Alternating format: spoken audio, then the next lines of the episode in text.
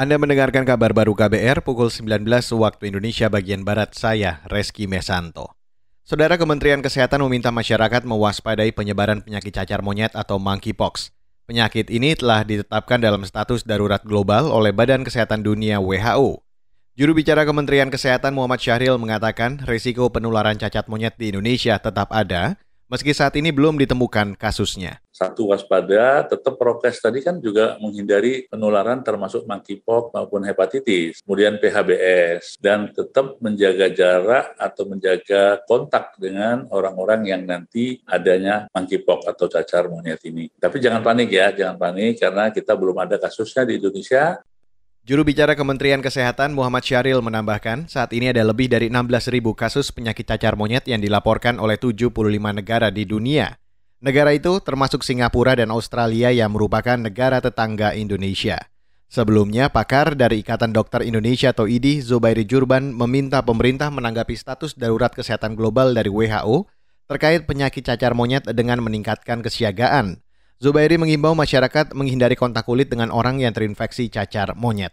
Beralih ke berita selanjutnya, Saudara Bank Indonesia mencatat indeks harga konsumen atau IHK pada Juni lalu sebesar 0,61 persen.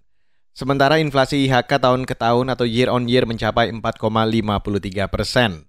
Kepala Grup Departemen Ekonomi dan Kebijakan Moneter Bank Indonesia, Wira Kusuma, mengatakan, inflasi terjadi karena tingginya tekanan di sisi penawaran, seiring naiknya harga komoditas dunia.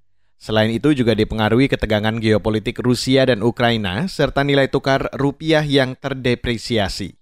Inflasi sampai saat ini di bulan Juni ini sekitar 4,53 ya persen. Tapi kita lihat uh, sumber inflasinya itu mostly disebabkan oleh cost push atau imported inflation dengan harga komoditas global yang meningkat ya. Nah sementara kita lihat komponen-komponen inflasi yang lain seperti core inflation itu masih dalam sasarannya. Kemudian exchange rate pass through karena nilai tukar yang semakin terdepresiasi. Kepala Grup Departemen Ekonomi dan Kebijakan Moneter Bank Indonesia, Wira Kusuma menambahkan, saat ini perbaikan ekonomi domestik terus berlanjut. Hal itu terlihat dari pertumbuhan ekonomi di sisi permintaan, seperti konsumsi rumah tangga, ekspor, dan impor.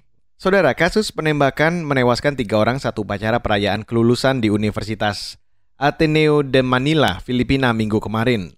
Salah seorang korban tewas dalam insiden penembakan itu adalah bekas wali kota Lamitan, Kepolisian kota Quizon menyebut bekas wali kota itu ditembak saat menghadiri kelulusan anaknya di salah satu universitas bergengsi di Filipina itu.